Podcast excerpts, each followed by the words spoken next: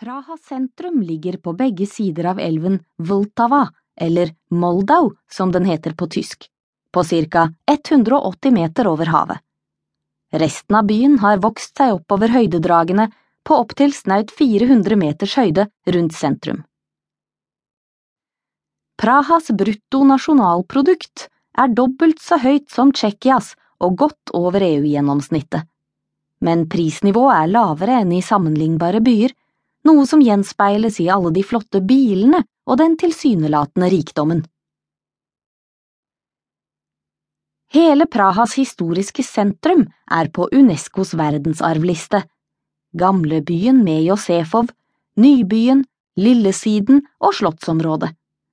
Disse ble slått sammen til én by i 1784. Slottet Visjerat, som også er på Unescos liste, ble en del av Praha i 1883.